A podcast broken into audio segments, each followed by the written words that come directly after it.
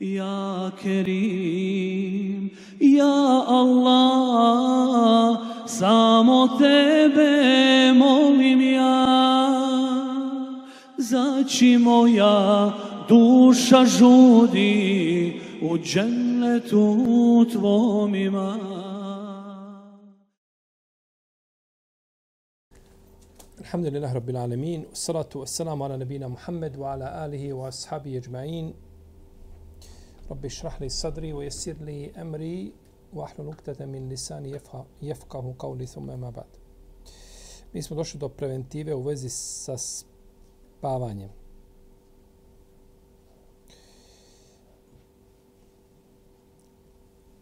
Od preventiva koje se tiču spavanja jeste gašenje vatre prije spavanja.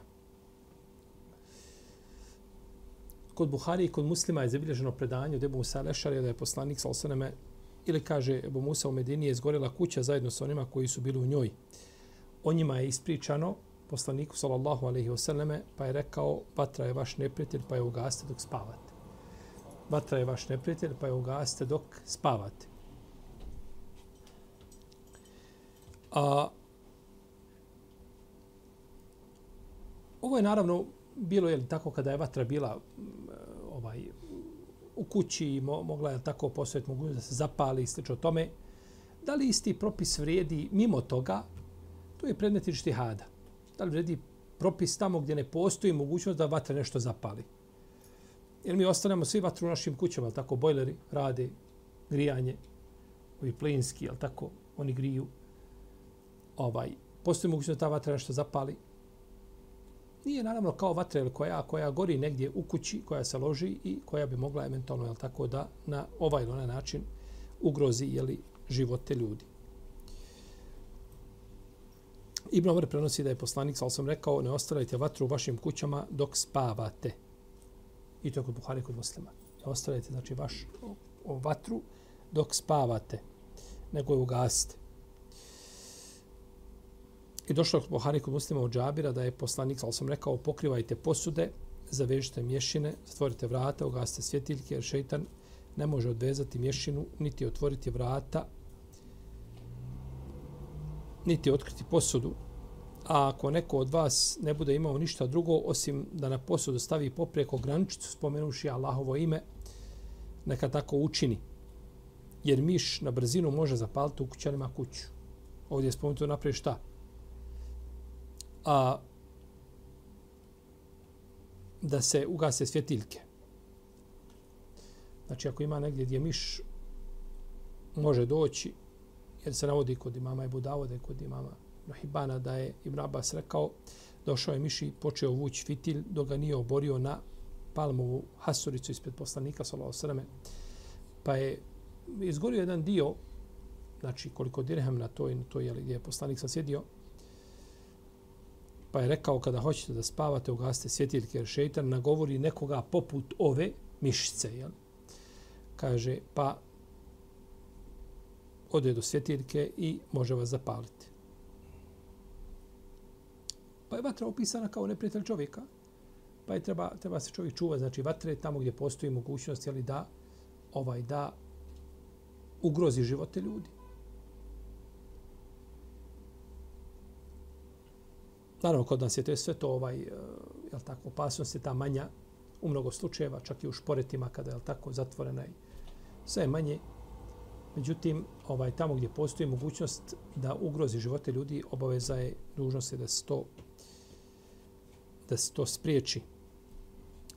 Dalje, provjera posteline prije spavanja.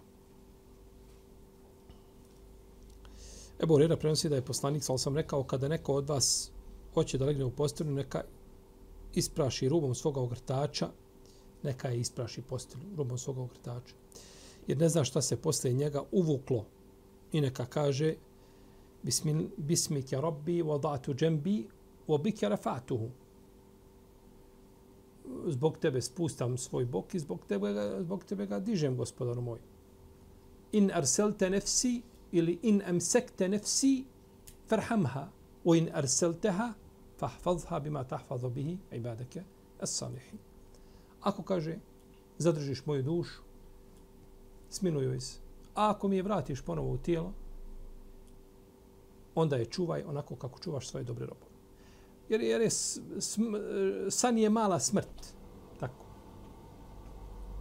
San je u Kur'anu nazvan da je smrt. Tako huwa alladhi yatawaffakum bil-layli wa ya'lamu ma jarahtum bin-nahar. Ona se usmrćuje, usmrćuje s noću. Uzim, jel tako, duša čovjeka izlazi i potom mu je uzvišen i Allah vraća ponovo u tijelo.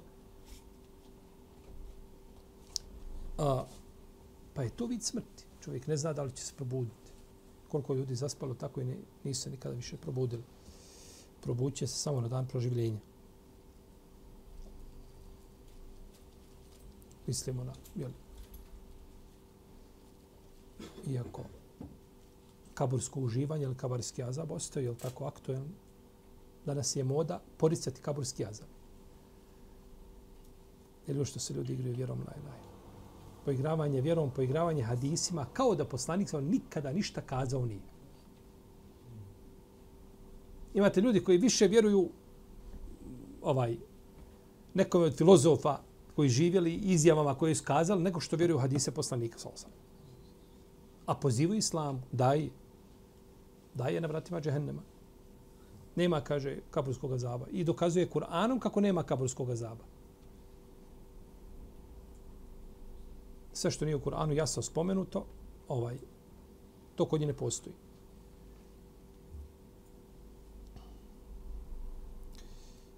Iako se iz Kur'ana može zaključiti kaburski azab. Čak se može razumjeti, da kažemo jasno se može razumjeti, možda ne bi pogriješio.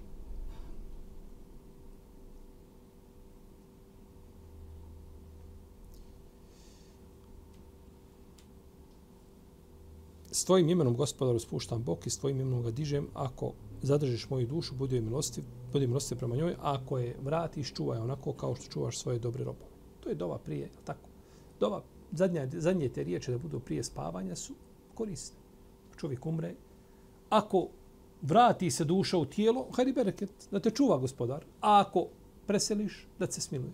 To je, je tako, to je želja svakog razumnog čovjeka ako umrem da mi se gospodar smiluje, a ako me poživi da, da me čuva. Iskušenja i nedaća i nevolja. I... Ma nešto mimo toga?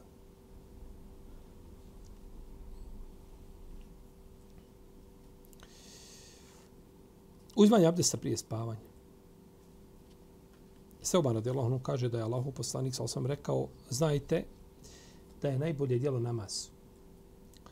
A o abdestu ne vodi računa osim vjernik. Ovaj hadis bilježi vam Ibn Mađi, bilježi Ibn Hibani, on je vjerodostojan. Pa nam hadis ukazuje da je lijepo biti pod abdestom, a posebno kada se pođe na spavanje. Iako ima ovdje jedna problematika. Uzmeš abdest i dok zaspeš ti si izgubio abdest. Što ćeš onda uzmeti abdest? To je šetanska spletka koja želi da uvuče ljude. Ti ju zaspeš. u... Tvoje je da zaspeš pod abdestom. I ne bi ti taj abdest vrijedio da ti ustaneš i da klanjaš. Je u redu? Ali ti vrijedi za šta? Kako možemo skazati za spavanje. Jel? Ne treba za spavanje abdest, ali ti vrijedi u smislu da imaš nagradu. Vidjet ćemo šta slijedi. Iako si bitno je da si legao, znači za spavu pod abdestom.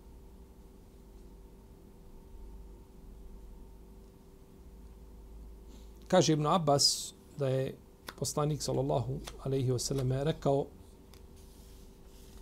čiste svoje tijela Allah vas očisti od grijeha u odjeću svakog čovjeka koji u odjeću svakog čovjeka koji zanoći pod abdestom uđe melek i kada god se okrene sjedne na drugu stranu melek zamoli Allahu oprosti svome robu jer je on zaspao pod abdestom i to kaže ovdje je spomenuta odjeća koja se odnosi na najmekšu odjeću čovjeka. Nije ova spoljašnja, ti nosiš nešto grubo, nego obično ta odjeća koja je do tijela, ona je mehka, je tako? Ne ide ništa vuneno do tijela, je tako? Bar mi nismo navikli na to, je tako? Zamisli vunen džemper, onaj od nekoga ispleo ko čarape i ti ga obučeš onako na tijelo. Nego ta, znači, melek dođe između tvoga tijela i te odjeće, tako bude blisko tebi i onda ti šta? Dovi zato što si zaspao pod abdestom.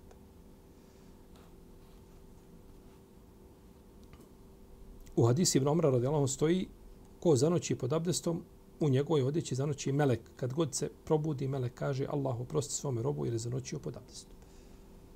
Pa su znači to korist, to, to, to, to je šeitanski put da se kaže što će ti abdest ako već ti kad zaspo izgubio se abdest nemaš potrebe, jer spavanje po ispravnim mišljenju je abdest, naroč to kad čovjek da je sjedeć pa ima tu mišljenja, ali ovako kada se čovjek pruži, to je onda, jeli,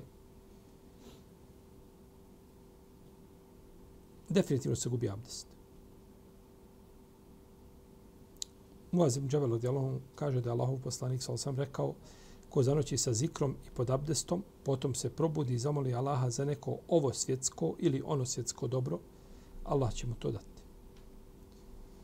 Znači isto nagrada velika. Sa zikrom i pod abdestom, potom se probudi i zamoli za nešto, Allah će mu to dati. Ali uslov da za noći znači pod abdestom i da zikri prije spavanja. I nema razilaženja među islamskim učenjacima da je dozvoljeno čovjeku da zaspe kada je džunup, u stanju džunupluka. Da je dozvoljeno da zaspe. Ovaj, međutim, pohvalno mu je prije toga da uzme abdest. Prije spavanja je pohvalno da uzme abdest. Ajša, radijallahu anhu, kaže, kada bi htio jesti ili spavati, a bio džunup, poslanik sa osvame uzeo bi abdest koji uzima za namaz. Pa dobro, što će ti abdest? Jesi li ti abdestom kada si uzeo abdest, jesi li otklonio hades, tu nečistoću? Pod navnim znacima nečistoću. Nis. Što će abdest? Vrijedi li, vrijedi li ovaj džunupu da abdesti da klanja? Ne vrijedi. Mora se očistiti. A kupanja te jemu, ovisno o mogućnostima. Vredi li žene u hajzu da uzme abdest? Ne, ne može imati abdest. Međutim, došlo je u šarijetu ovdje da se uzme šta? Poslanik kada bi bio džunup ili ovaj, jeli, htio bi da spava ili jede, da bi bio džunup, on bi abdestio. Kao što abdesti za namaz. Omer ibn Khattab je upitao poslanika, sa osanem, može li čovjek spavati u stanju džunupluka? znači da, da se ne kupa. Kaže, može, ali neka prije toga uzme abdest. Ali neka uzme, neka uzme imperativno. Naredba se uzme, znači. Međutim, ima u verziji kod Ibn Huzeime i Ibn Hibana, ima verzija kaže neka uzme abdest ako želi. Ako želi. Pa i to znači pohvalan čin, a nije obavezan nije obavezan što nam ukazuje je ta vjerodostojna druga verzija.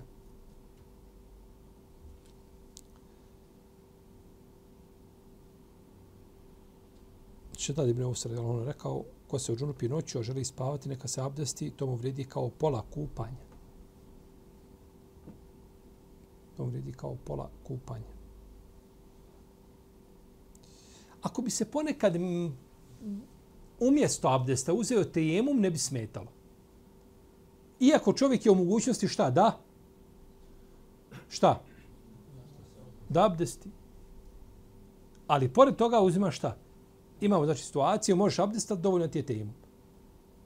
To je u situaciji kada je čovjek džunup, neće da se kupa, hoće da spava, a muka mu je abdestiti.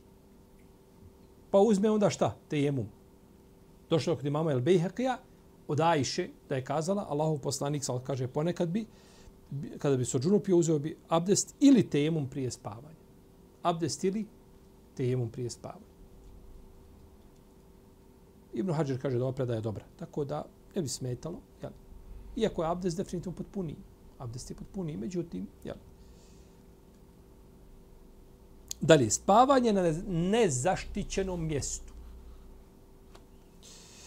Džabir ibn Abdillah radijallahu anhu kaže da je kaže, zabranio je poslanik sa osalem da čovjek spava na neograđenoj terasi, krovnoj terasi. da spava na neograđenoj krovnoj terasi. Jer može lako šta? To su naši balkoni ko nema ograde na balkonu. Čovjek samo napravio kuću, nije još uspio ograde staviti. Vruće mu, nešto ugrijalo, noć spadne i on iziđe na balkon. Ili ga žena istera na balkon. I on iziđe spava na balkonu i okrene se, dok se dva puta okrene, on je belaj. Problem.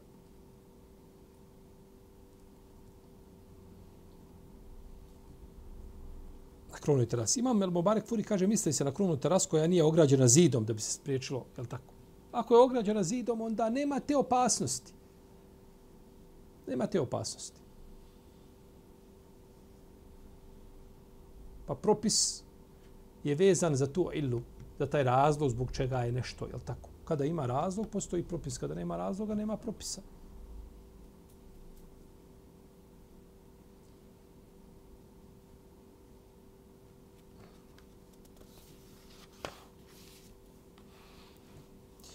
Dobro, ovo spavanje vrijedi li danju noću? Vrijedi li spava, ova zabrana spavanja, Vrijedi li to i za dan i za noć? U hadisu nije napravljena razlika. U hadisu nije napravljena razlika između dvije stvari. Znači, ovo je, ovo je između dvije situacije. Došlo je, znači, da je, a, da je to zabranjeno i u jednoj i u drugoj situaciji. Tako da nije spomenuta, znači, dan i noć, već se spominje šta? Spavanje. Spominje se samo spavanje.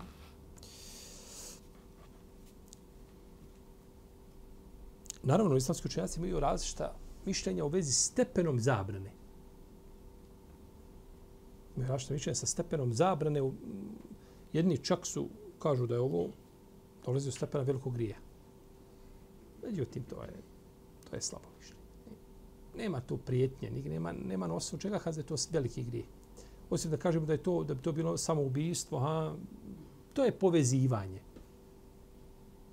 To teško bilo kazati. Drugi kažu da je to pokuđeno. U svakom slučaju treba ispoštovati jeli, naredbu poslanika ili zabranu me ne raditi suprotno hadisu. Pranje ruku nakon buđenja. Ebu Horira radijallahu anhu prenosi da je poslanik sallallahu osanem rekao kada se neko probudi nakon spavanja neka ne stavlja ruku u posudu se grabilo iz posude. Dok je ne opere, dok ne opere ruke, jel? jer ne zna, kaže, gdje mu, je, gdje mu se ruka nalazila dok je spavao. Ibn Omar kaže da je poslanik, ali sam rekao, kada se neko probudi nakon spavanja, neka zahvati svojom rukom iz posude, neka ne zahvata svojom rukom iz posude dok je prethodno ne opere tri puta. Koga posudilo ruku? Ruku jer kaže ne zna gdje mu je ruka boravila.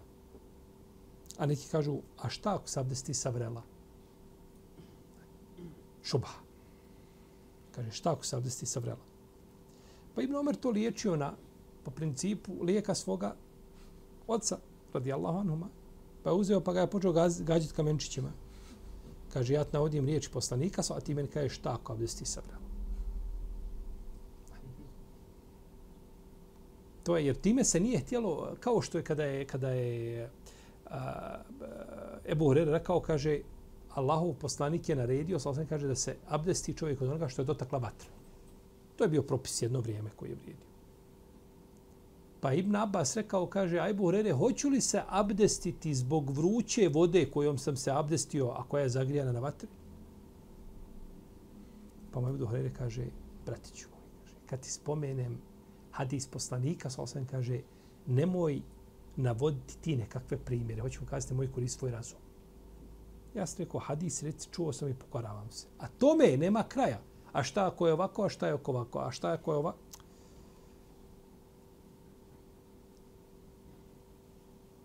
Pa Ibn Omar ga gađao, kaže, ja ti kažem, Adisa, ti kažeš šta, šta abdestim se savrela.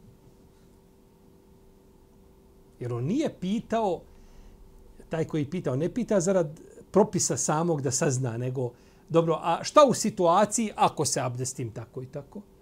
Šta tada? Nego, želi time tako obesna, ali to što si ti prinio, šta hoće, znači, je li kazati da da to ne stoji ili da to ima nekakvu krnjavost i manjkavost, ovaj, taj govor i slično tome.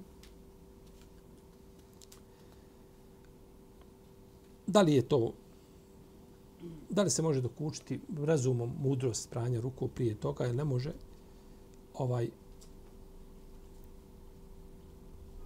pa kad je spavač bio siguran da mu ruka, da mu je ruka bila, je tako?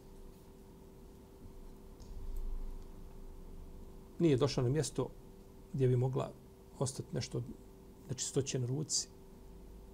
Da li u tom slučaju treba prati ili ne treba? To je pitanje da li vezati pranje ruku, da li, da li je to propis koji može dokučiti razum, mudrost njegovu ili je to, je tako, čisto, je li tabuden, da se time obožava gospodar praksom ili prakticiranjem tih propisa bez ulaska jeli, u te detalje.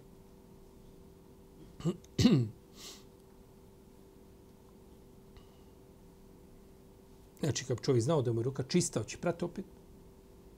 E, tu je razilaženje među učenjacima. Imamo preventivu u vezi sa sportom. Sport jača čovjekovo tijelo, tako postiže se njegova vitalnost, što vodi opet ka jel, tako zdravom tijelu i otporom, otporom na različite vrste bolesti. Jer je jak vjernik draži uzvišenom Allahu od slabog vjernika. A i u jednom i u drugom je dobro.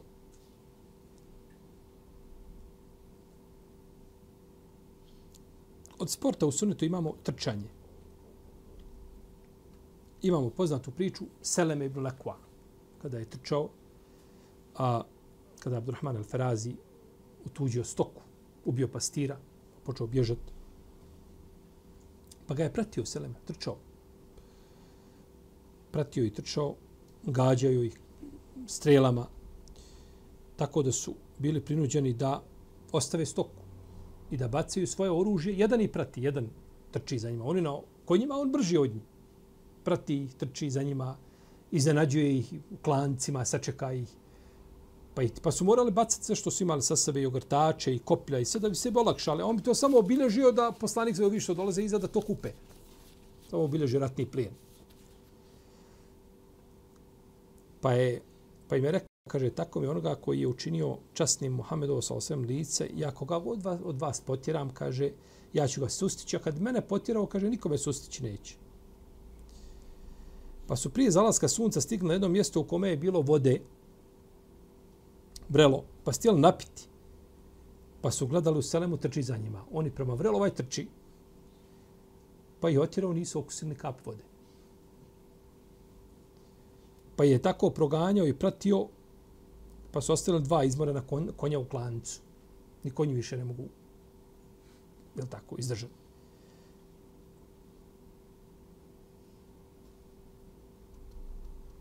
Pa je rekao poslanik, sa kaže, danas je najbolji naš konjenik Ebu Katade, a najbolji pješak je Selem.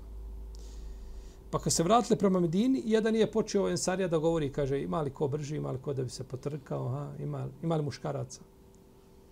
Kaže, pa sam rekao, kaže, ti se ne ustručavaš ni plemenitog, ni časnog. Ti to tek tako jednostavno, jeli, dao sebi za slobodu, da ti tako pričaš. Pa je tražio dozvol od poslanika, pa je trčao, kaže, pa sam ga pustio malo uz dva, tri klanca da trči, kaže, ispred mene. Kaže, pa sam ga sustio, pa sam ga, kaže, udario između plečki njegovih.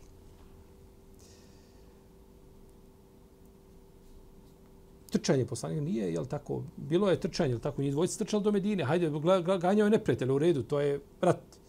Ali trčali su do Medine, poslanik je to odobrio. I trčao je poslanik, utrkivao se sa Aishom radi Allah. Pa ona njega pobjedila dok je bila e, mlađa, dok je bila onako lakša, kada je se malo udebljala, onda je u nju pobjedio. Tako da nije, To je došlo u sunnetu. Džabir Abdelah kaže da se neki ljudi požalili poslaniku sa osaname da im je teško pješačiti. Pa im je rekao ubrzajte svoj hod. Pa Džabir reče ubrzali smo hodanje, kaže pa smo osjetili olakšanje. Ubrzajte hod, pa smo, kaže, osjetili olakšanje. Pokorili se poslaniku sa osaname.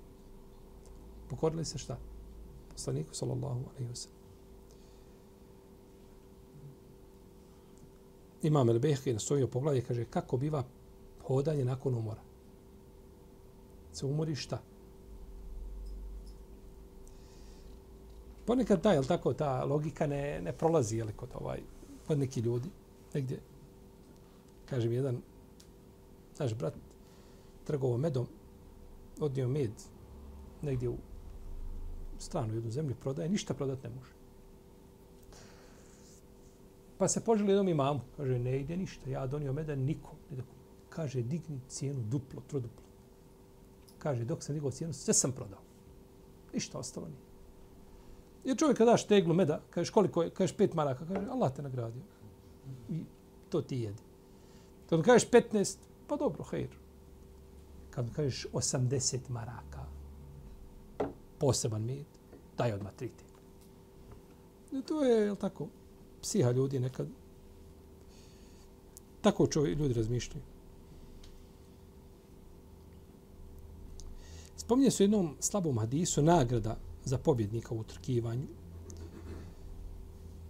Da rekao poslanik, sa osam kaže, poredao svoje potomke Abasove, pa rekao, ko prvi stigne do mene, dobit će to i to.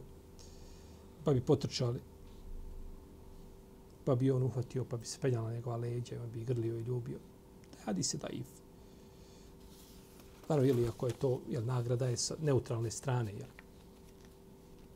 Nije nagrada između učesnika. Isto tako plivanje. Plivanje. Džabir ibn Abdullah radijallahu anhu kaže da je poslanik sa rekao sve u čemu nema Allahovog veličanja smatra se igrom i zabavom osim četvoro. Pa je spomenuo plivanje. Plivanje je sport koji je koristan. Tako. Ima, ovaj hadis je dobar. Dobar hadis. Ima i mnogo drugih daif hadisa vezani za plivanje. A ovaj hadis koga smo spomenuli, a njega su ocijenili dobrim Imam Munziri, Sefarini, Ibn Hajar.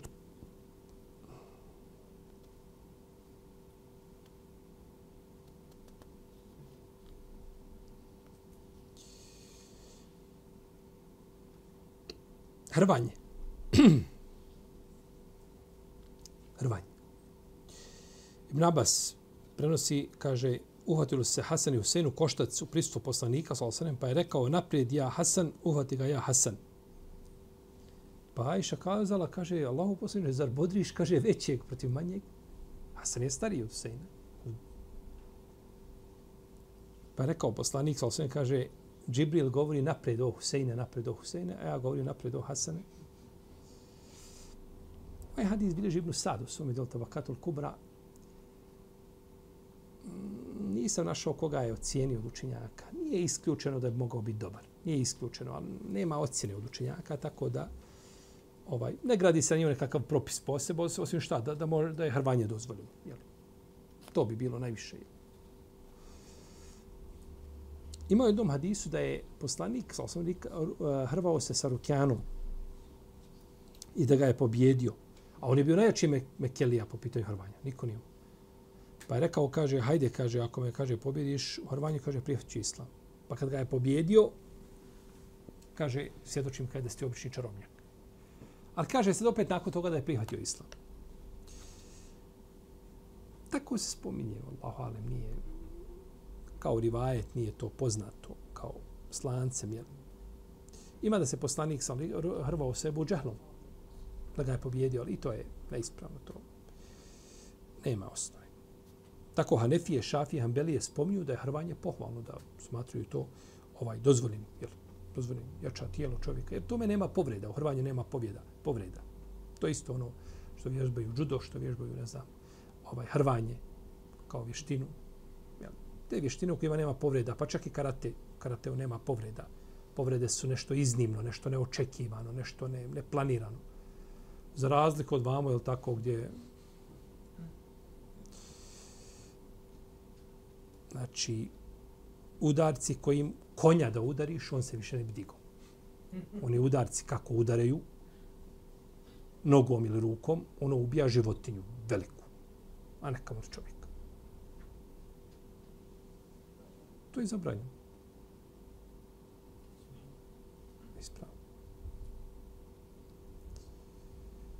vježbaj tijelo, vježbaj, možeš time vježbati, nositi štetu i dovoditi u pitanje život nekome ili okomu izbiti ili, ili, ili trajno ga ovaj, uh, onesposobiti i bilo šta drugo.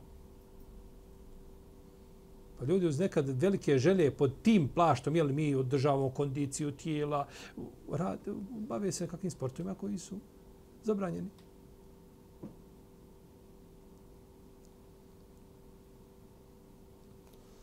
Utrkivanje na devama i konjima.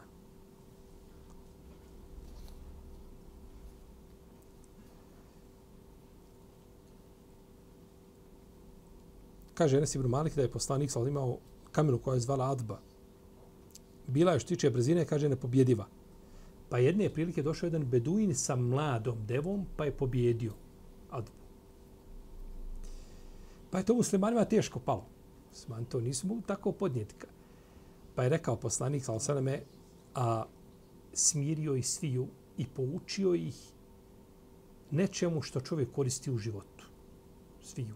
Kaže, Allahovo je pravo, kaže, da što god uzvisi od ovoga dunjalu kada ga jednoga dana unizi. Da ne pomisli čovjek ima nešto na ome dunjalu koji to je to i nema bolje i nema... Ne. Pazite, ovdje kaže Allahovo je pravo kada uzvisi nešto šta na dunjalu. Nije rečeno uzvisi vjernika pa će ga uniziti. Ne, ne, nego dunjalučko nešto. Tako, nešto dunjalučko što je, ima šta god da je, šta god imaš danas dunjalučko. Prvo, nema bolje, za, za dva mjeseca će biti bolje.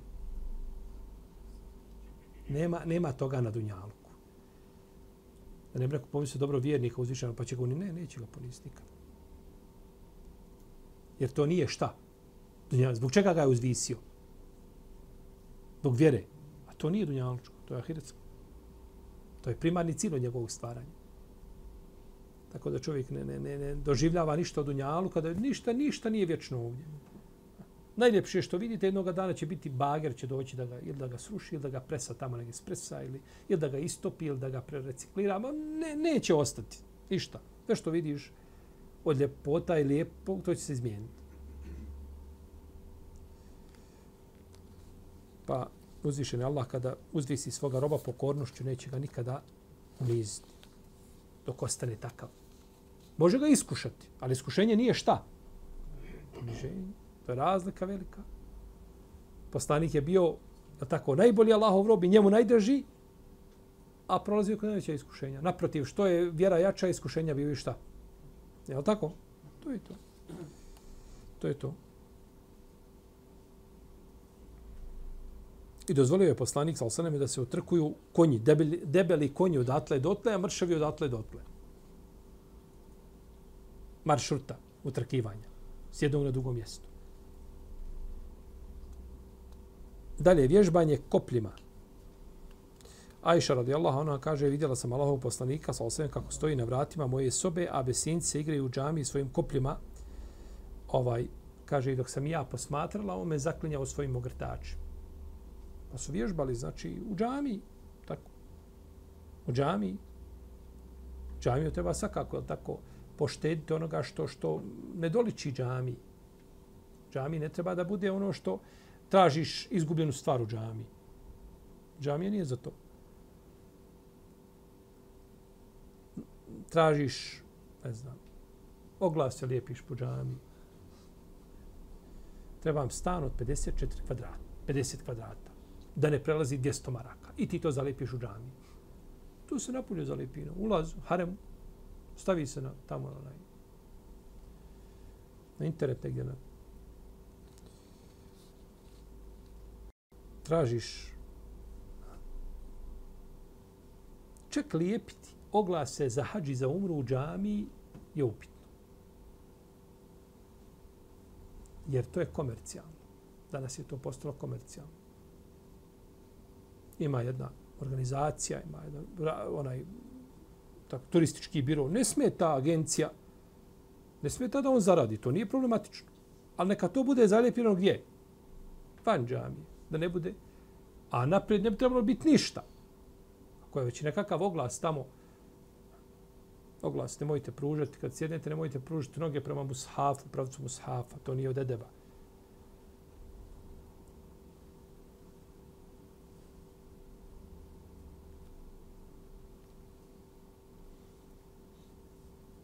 Ali vježbanje kopljima nije komercijalno. To je sport, održavanje tijela, kondicija.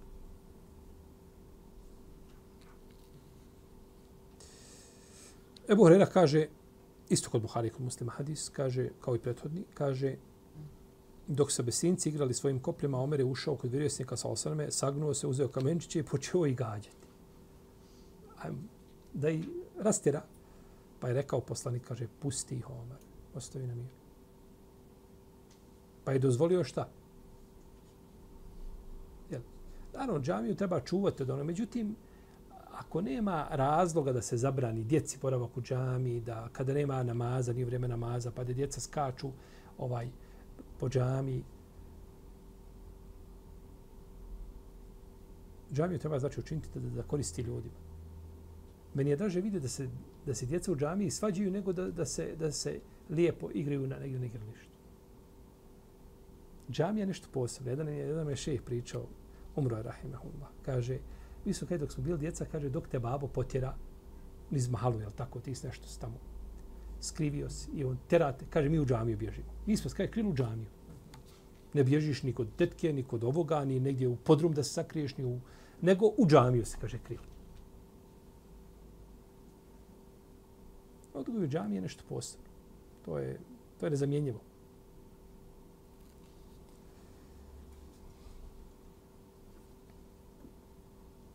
Enes ibn Malik kaže kada je poslanik sa osvijem doselio u Medinu, a besinci se igrali svojim kopljima od radosti zbog njegovog dolaska. Kaže Ibn Hajar iz ovoga se je zaključuje da je dozvoljeno igrati se oružjem, jer je tako ruke se vježbaju na upotrebu oružja. Tako kaže Ibn Ređib.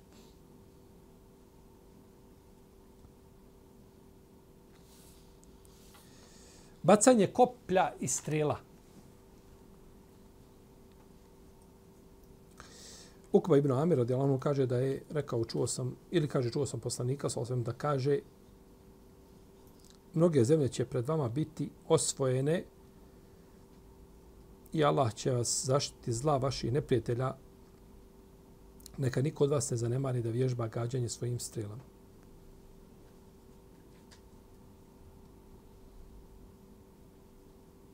A Salim ibn Mlekova prenosi, kaže, kod Buhari ima hadis, da je poslanik, sal sam prošao pored skupina ljudi ili dvije skupine koji se na celu gađaju strelama. Pa im je vjerovjesnik rekao, sal sam kaže, gađajte, kaže, potomci Ismailovi, kaže, vaš predak je bio strelac. Gađajte, kaže, ja sam uz potomke toga i toga.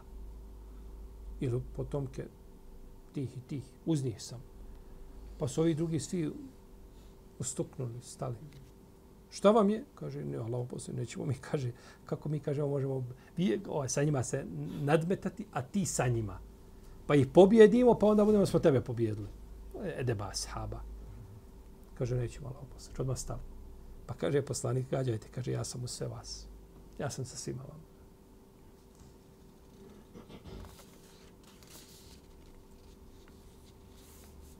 Fukajm ibn, eh, Fukajm al-Lahmi, kaže, upitao sam Ukum ibn Amira, i rekao mu, kaže, često te vidim da se krećeš između dvije mete, a ti star, star čovjek. Kaže, da nije riječi koje sam čuo od Allahovog poslanika, sa osvijem kaže, ne bi se mučio. Pa, je, pa su pitali, a šta je on to čuo? Kaže, čuo je da je, reka, da je poslanik, sa sam rekao, ko nauči gađati, pa to zapostavi, nije od nas. Ili je rekao, postao je nepokor. Vještina, znači, koju čovjek nauči, treba je održavati. To muslim bilježi u svome sahihu. I došlo je, i došlo je u sunnetu, došli su dokazi koji a, spominju a, natjecanje u dizanju kamena. Ali su hadisi o tome dajiv. Hadisi o tome su dajiv. Nisu ispravni. Naravno, ne moramo i za svaki sport ima dokaz da, da je dozvoljen. U osnovi je sport dozvoljen ako nema u sportu spornih elemenata, poput otkrivanja stidnih mjesta, nekakvih pokreta koji su problematični, naklanjanja nešto. Ruku mu napravi. Ruku mu učini ispred njega. Pozdrava koji su problematični. Nećemo kazati ako nema ostavljanja vađiba, Jer to više nije vezano zašto? Za, nije to problem u sportu, nego je problem u kome? U čovjeku, je li tako? Međutim, jedan određeni sport ti nalaže da ti moraš nešto uraditi. A ako ne možeš obaviti namaz zbog sporta, nema u njemu hajra nikakvog. Gdje ti ne možeš postiti, mada si ne znam šta, kakav vrhunski atletičta, sportista, ti ne možeš postiti Ramazan, a ti u mjestu boravka nemaš pravo da prekineš ni sputnik i nešto tako, nema u tome hajra nikakvog. Ne možeš biti hajra nikakvog. I kako je lijepo kada je čovjek ponosan, ne ulazeći sad u futbalere i futbali i pitanja, jeli, koja futbal povlači za sobom i tako dalje, iako je u osnovi futbal dozvoljen, jeli. ali često ljudi znaju tu, jel tako, ovaj, doći sa momentima ko, koji ovaj naprave jeli, dozvoljen sport problematičnim. Ovaj, kako je lijepo kada kada sportista pokaže svoju sinu, kada je vrijeme iftara, on se okrene tamo, stane, iftar i pojede da tuli, vrati se nazad. To je dava. To je dava. Da ne smije da ti budeš i sportista, a da budeš ovaj mu'min i da se pokoriš uzvišenom Allahu. Pričao se jednim našim bratom, on je bio vrhunski sportista, taj vrhunski futbaler bio, ostavio jedan ovaj klub, tjerali ga tako da kada mi je rekao koliko je plaćen, da mi to nije direktor rekao, ne bi povjerovao. Koliko su ga plaćali i ostavio je zato što ne može postiti. Mora u Ramazanu. Kaže, dođe taj trener i staviti se obrok, jel tako, zna se koliko proteina moraš unijeti, sve, sve to u gram kod nje, jel tako, moraš ti, ti, ti 90 minuta moraš dati sve od sebe. Kad izješ nakon toga da si mejit, tu se, jel tako, svega si sebe. I kaže, jedeš to. I kaže, stoji za tebe dok ne pojedeš i zadnji je onaj, onaj, zalogaj. Gleda, broji ti zalogaj.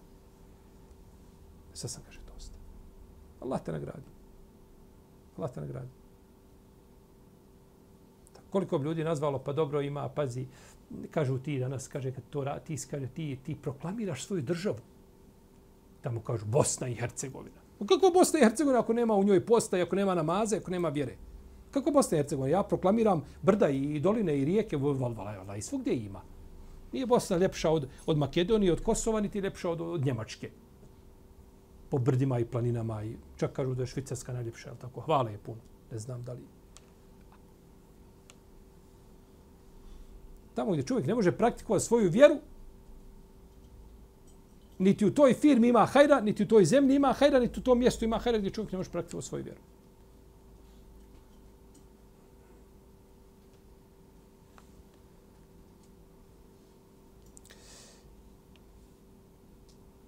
Imamo duševne preventivne mjere. Se umorili?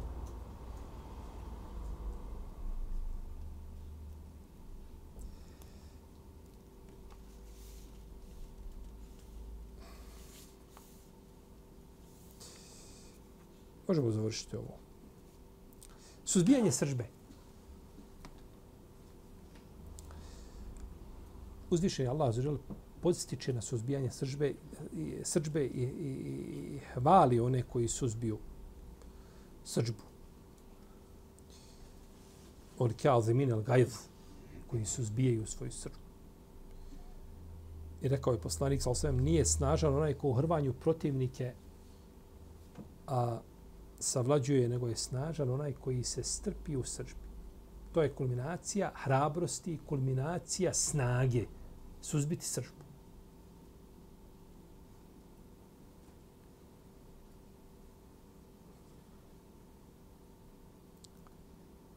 I pitao jedan čovjek poslanika, sa osvijem, kaže, savjetuje me, kaže, ne srdi se. Pa mu je to ponovio više puta, savjetuje me, kaže, ne srdi se. Savjetuje me, ne srdi se. Srđba je zlo.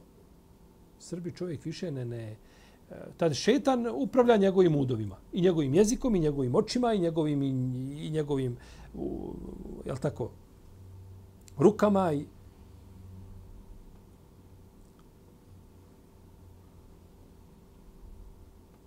Enes Ibn Malik kaže da je poslanik sa osvijem prolazio pored ljudi koji se hrvali. Aha, ovo nam vrijedi i za prethodno za hrvanje, tako? kaže, šta rade ovi? Kaže, ima, kaže jedan čovjek, ali ovo posliče, nikomu ništa ne može. Koga god uhvati, pobjedi ga. Kaže poslanik sa osvijem, kaže, hoćete da vam kažem ko je jači od njega? Kaže, čovjek koga drugi čovjek naljuti, pa on suzbije svoju srđbu, kaže, pa pobidi svoga i njegovog šeitana. E, taj jači od ovoga. Ovo jeste, ovaj jako, ovaj se tamo, na, na, na, tako, malo proteina, malo oni, jeli, sprava tamo ideš, jeli, u, u one fitness centre, malo se napušeš se i gotovo. Međutim, dušu ne možeš tako, dušu ne možeš tako postupiti. Kaže, čovjek koga drugi čovjek naljuti, pa on suzbije svoju srđbu, pobjedi svoga i njegovog šta? Šeitana, on je jači od ovoga. Zašto od sihra, uroka i šeitanske uznemiravanja i u vezi s tim se navode brojni hadisi, mi ćemo ispominjati nekada kasnije, kada budemo govorili o ruki dolazit ćemo tako kroz, kroz govor o rukina, ilazit ćemo na, na jeli, ovaj, kaže poslanik, sa osaname, sve ima svoj vrhunac, a vrhunac, a vrhunac Kur'ana je sura al-Bekara, kaže šeitan, izlazi iz kuće u kojoj se, koje čuje, čuje učenje sura al-Bekara. Tako bilži imam hakim sa dobrim lancem. I kaže poslanik, sa osvijem kod Buhari, kod muslima, ko uvečer prouči posljednja dva ajeta iz sure al-Bekara, bit ćemo dovoljni. A, ah, zadnja dva ajeta. Amen ar Rasul, pa do kraja. Dva veličanstvena ajeta. Data poslaniku iz riznica, iz podarša.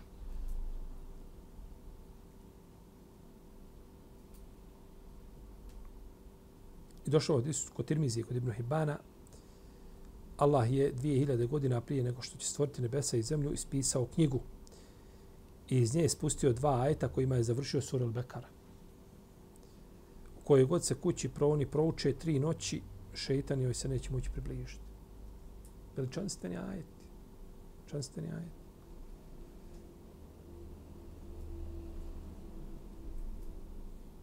I učio je poslanik, ali sam ujutro i naveče, kaže Allahu stvoritelj nebesa i zemlje, poznamo oče nevidljivog i vidljivog svijeta, gospodaru i posljedniče svega što postoji, utječem se u zla moje duše i zla šeitana i onoga čemu on poziva i da učinim bilo kakvo zlo sebi ili drugom muslimanu.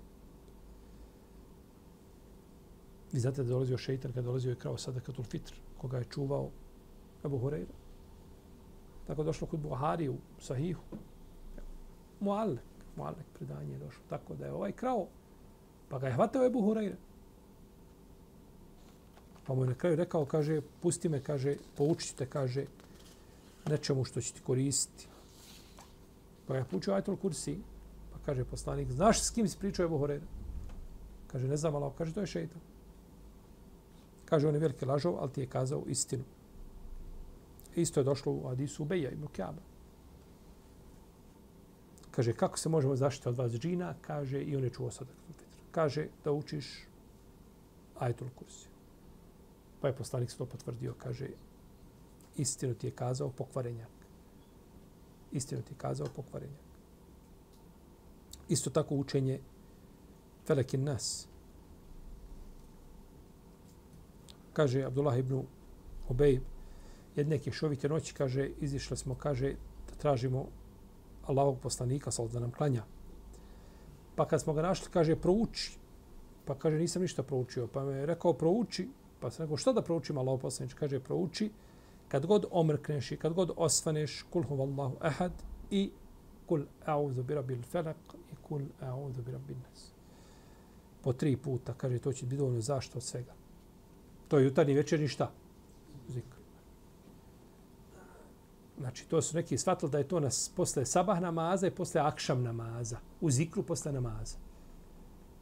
Nema u zikru posle namaza po tri puta nego po jedan put. I sabah i akšan su isti kao šta ostale nama. Uči se po jedan put se uče ove sure. Danas u arapskom svijetu gotovo da nemate džamije gdje ne piše zikr, znači ispisano na panelu onom velikom, okačeno.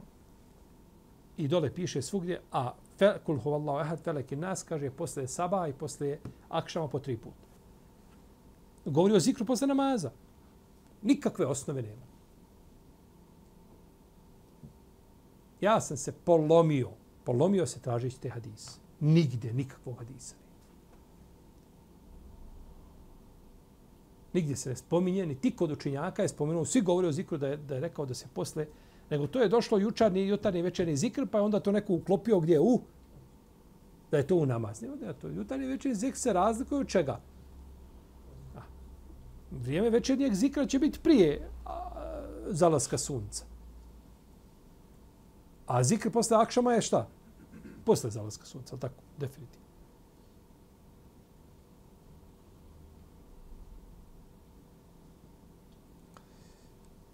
I kaže poslanik sa osaname, za ove tri sure, zadnje kaže, niko se nije utjecao ničim sličnim. I tražio je poslanik sa utočište od, ljud, od ljudskih, od džinskih očiju, dok nisu objavljene sure Felek i Nas, pa je sve drugo ostavio, samo te sure uči. Samo te sure uči. Fatiha, Kulhola, Felek, Nas, Ajetul Kursi veličanstvene ajeti sure.